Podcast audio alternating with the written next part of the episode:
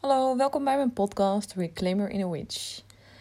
Vandaag wil ik het graag hebben over rouw. Um, even zien, volgens mij 15 november, nu iets van twee weken geleden, heb ik er ook een post over gemaakt. Over rouw en hoe dat voor mij voelt.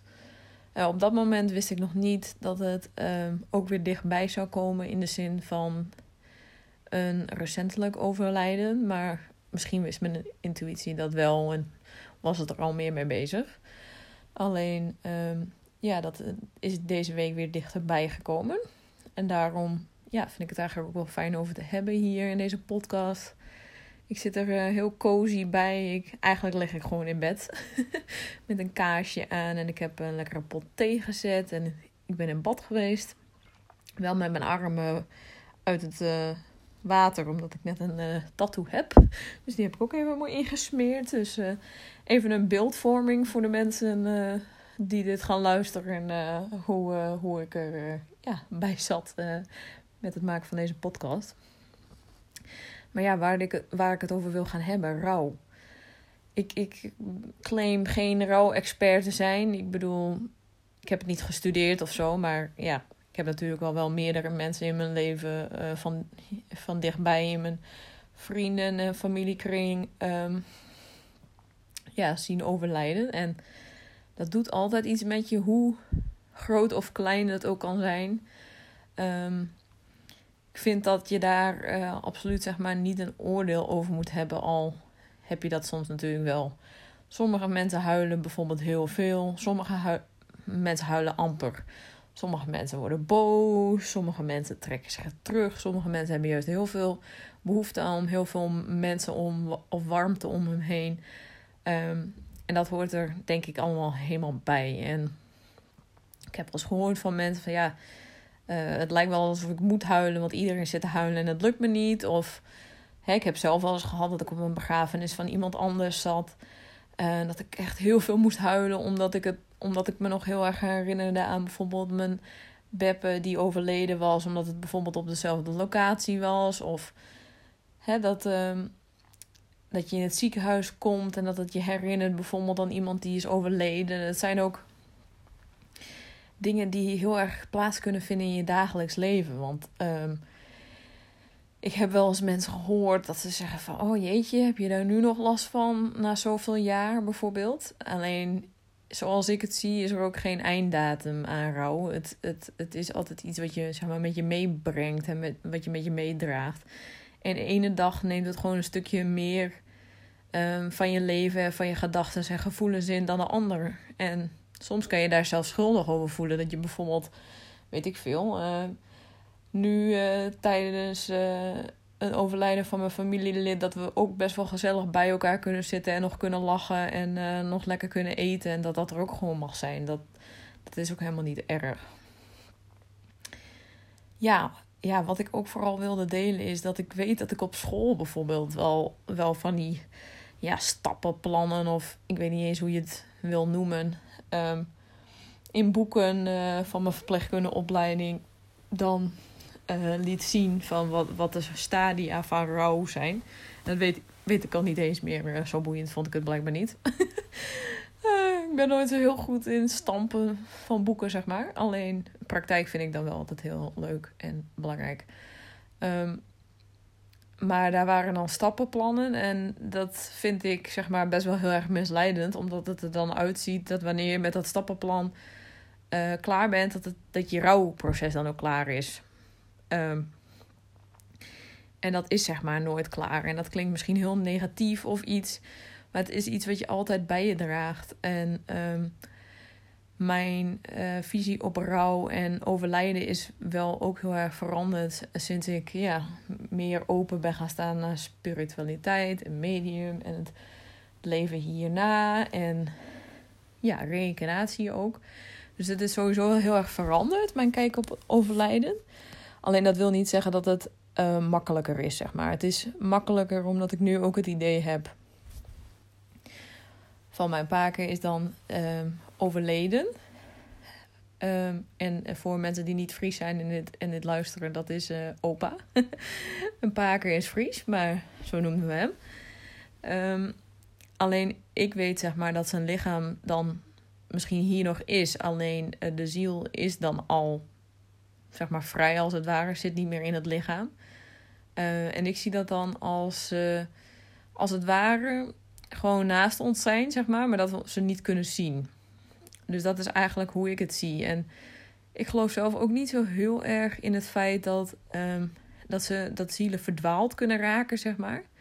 Ik heb wel het idee dat er zeg maar, wel een bepaalde rustperiode kan zijn. Dat bijvoorbeeld als iemand heel erg langdurig ziek is geweest, dat het misschien iets langer duurt voordat je contact met ze kan hebben. Of dat het iets langer duurt qua herstel, zeg maar. Um, dat ze iets langer misschien de tijd nodig hebben om een beetje hun plekje te vinden uh, als ja, ziel, zeg maar, die niet meer op de aarde rondloopt. Dus ik denk wel dat dat bestaat.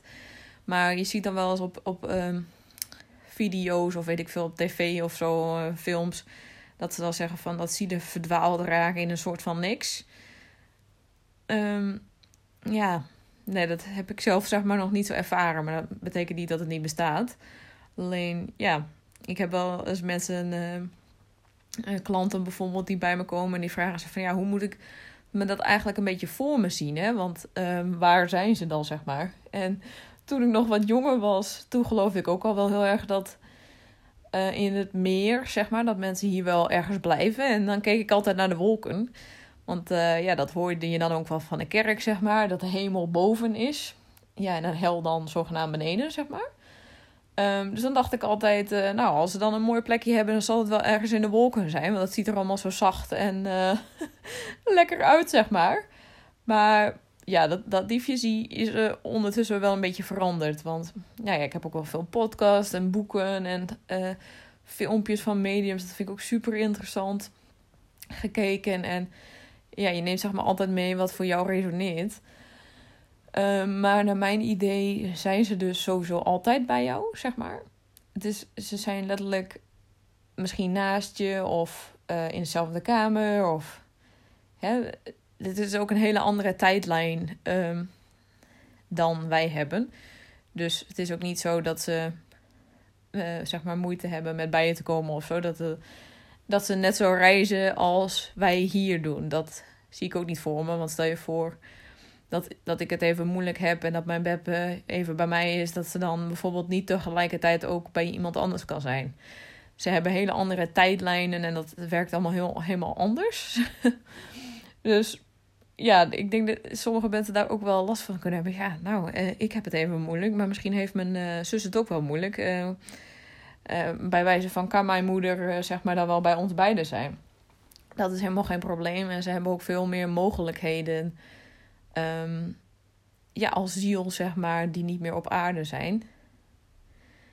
En um, ja, iemand in mijn omgeving, toen diegene kwam te overlijden, had diegene ook aangegeven van um, ik kan jullie ook veel meer, helpen mocht ik overlijden. Dus diegene had ook al heel erg het bewustzijn van um, ja, vergroting van bewustzijn, zeg maar. Dat op dat moment dat soms je lichaam niet meer kan en dat je lichaam op is, um, dat je hier dan eigenlijk, nou, ik wil niet zeggen niks meer te zoeken hebt, want dat, dat is natuurlijk niet zo, maar dat sommige mensen al heel erg lang ziek zijn geweest, dat het hier ook best wel een leidersweg is geweest, dat ze dan op een gegeven moment ook doorhebben van, nou, er is hier nog meer.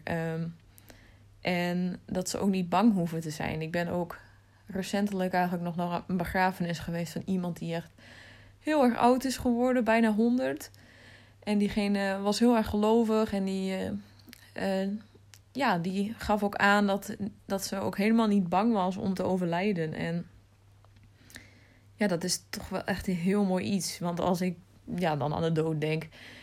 Um, ik ben natuurlijk 27, ik ben er nog lang niet klaar voor. Maar dan is dat toch nog wel een ja, een eng iets. En ik denk dat het voor veel mensen wel herkenbaar is. Dat, uh, dat er een angst voor de dood is, zeg maar. En dat mensen denken van ja, wat is er dan precies na de dood? En hoe zit dat dan? Is er nog iets? Waar kom ik dan? Kom ik letterlijk bij een of andere deur? Of uh, komen mensen maar opwachten? Of ja, waar uh, ga ik heen, zeg maar? De, willen mensen op de aarde, zeg maar, omdat wij hier natuurlijk nog zijn, een soort van beeld van hebben. En vind ik het dan ook altijd heel erg intrigerend om te zien. Ehm, ik weet niet, het is zo'n Netflix-serie nu. Ik, ik weet even niet hoe het heet. Uh, Life After Death, denk ik. Dat zijn mensen met bijvoorbeeld bijna doodervaringen. Ik had, had dat gezien over een vrouw die was over de kop in een kano in het water gekomen. En volgens mij duurde dat echt een kwartier of zo. Of echt, een, echt in ieder geval een ziek lange tijd. Dat ze in die kano onder water lag. Eigenlijk veel te lang, zeg maar. Eigenlijk voor haar lichaam veel te lang onder water. überhaupt nog enige hersenfunctie te hebben.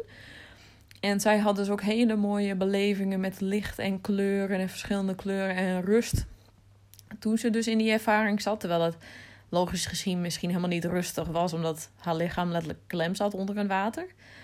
Alleen ehm, toen had een uh, overleden geliefde die ze daar zeg maar tegenkwam toen ze nou ja, eigenlijk aan het overlijden was, tegen haar gezegd dat het haar tijd nog niet was en dat ze daarom terug moest gaan.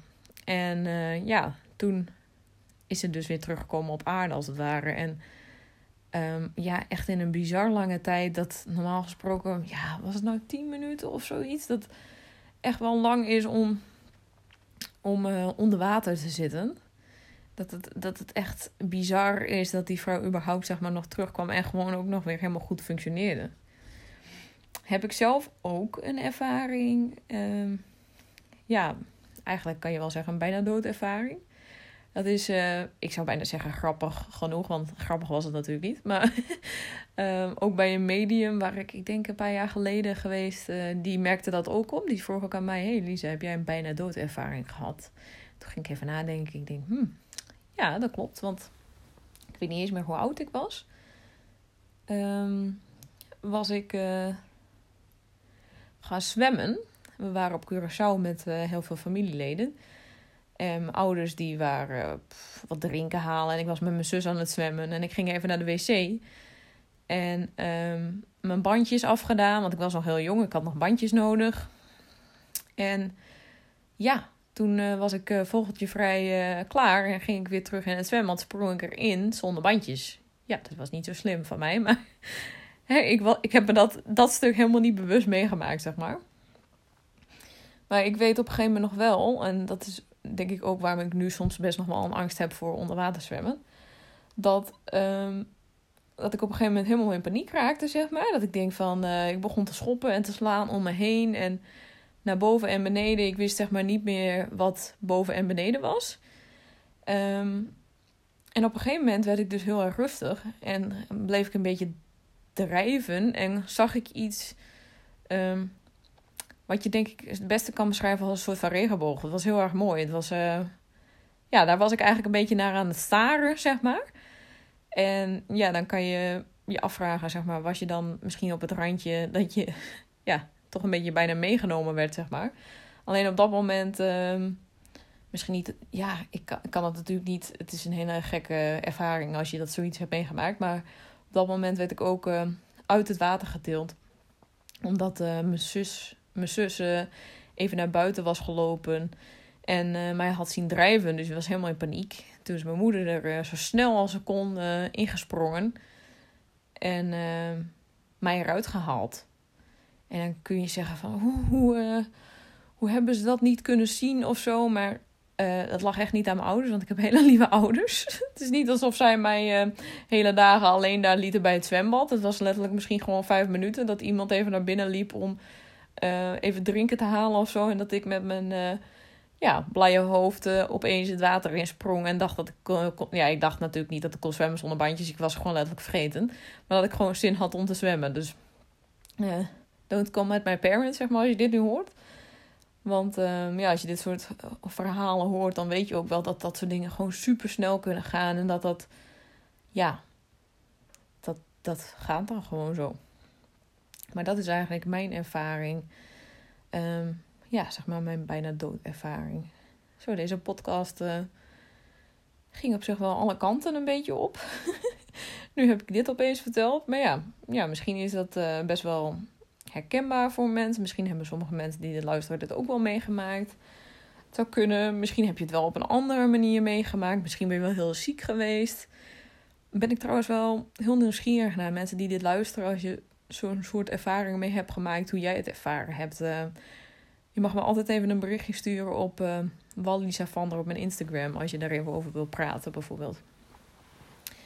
Ja, en dan wilde ik eigenlijk ook nog afsluiten met het idee dat ja, rouw kan eigenlijk op zoveel manieren. Je kan rouw hebben om een vriend of vriendin waar je van bijvoorbeeld misschien afscheid van genomen hebt in de zin dat ze misschien nog wel leven, maar dat je ja, dat je, je eigen weg hebt uh, genomen of dat je uh, bijvoorbeeld een relatie hebt gehad die uitging en daar kan je om rouwen.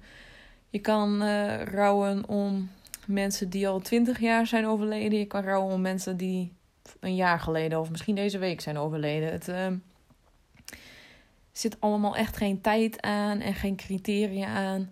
Iedereen doet het op zijn eigen manier, uh, op zijn eigen tempo en op zijn eigen weg, zeg maar. En ja, laat niemand je vertellen dat je het goed of fout doet, zeg maar. Dat wilde ik eigenlijk je vooral meegeven.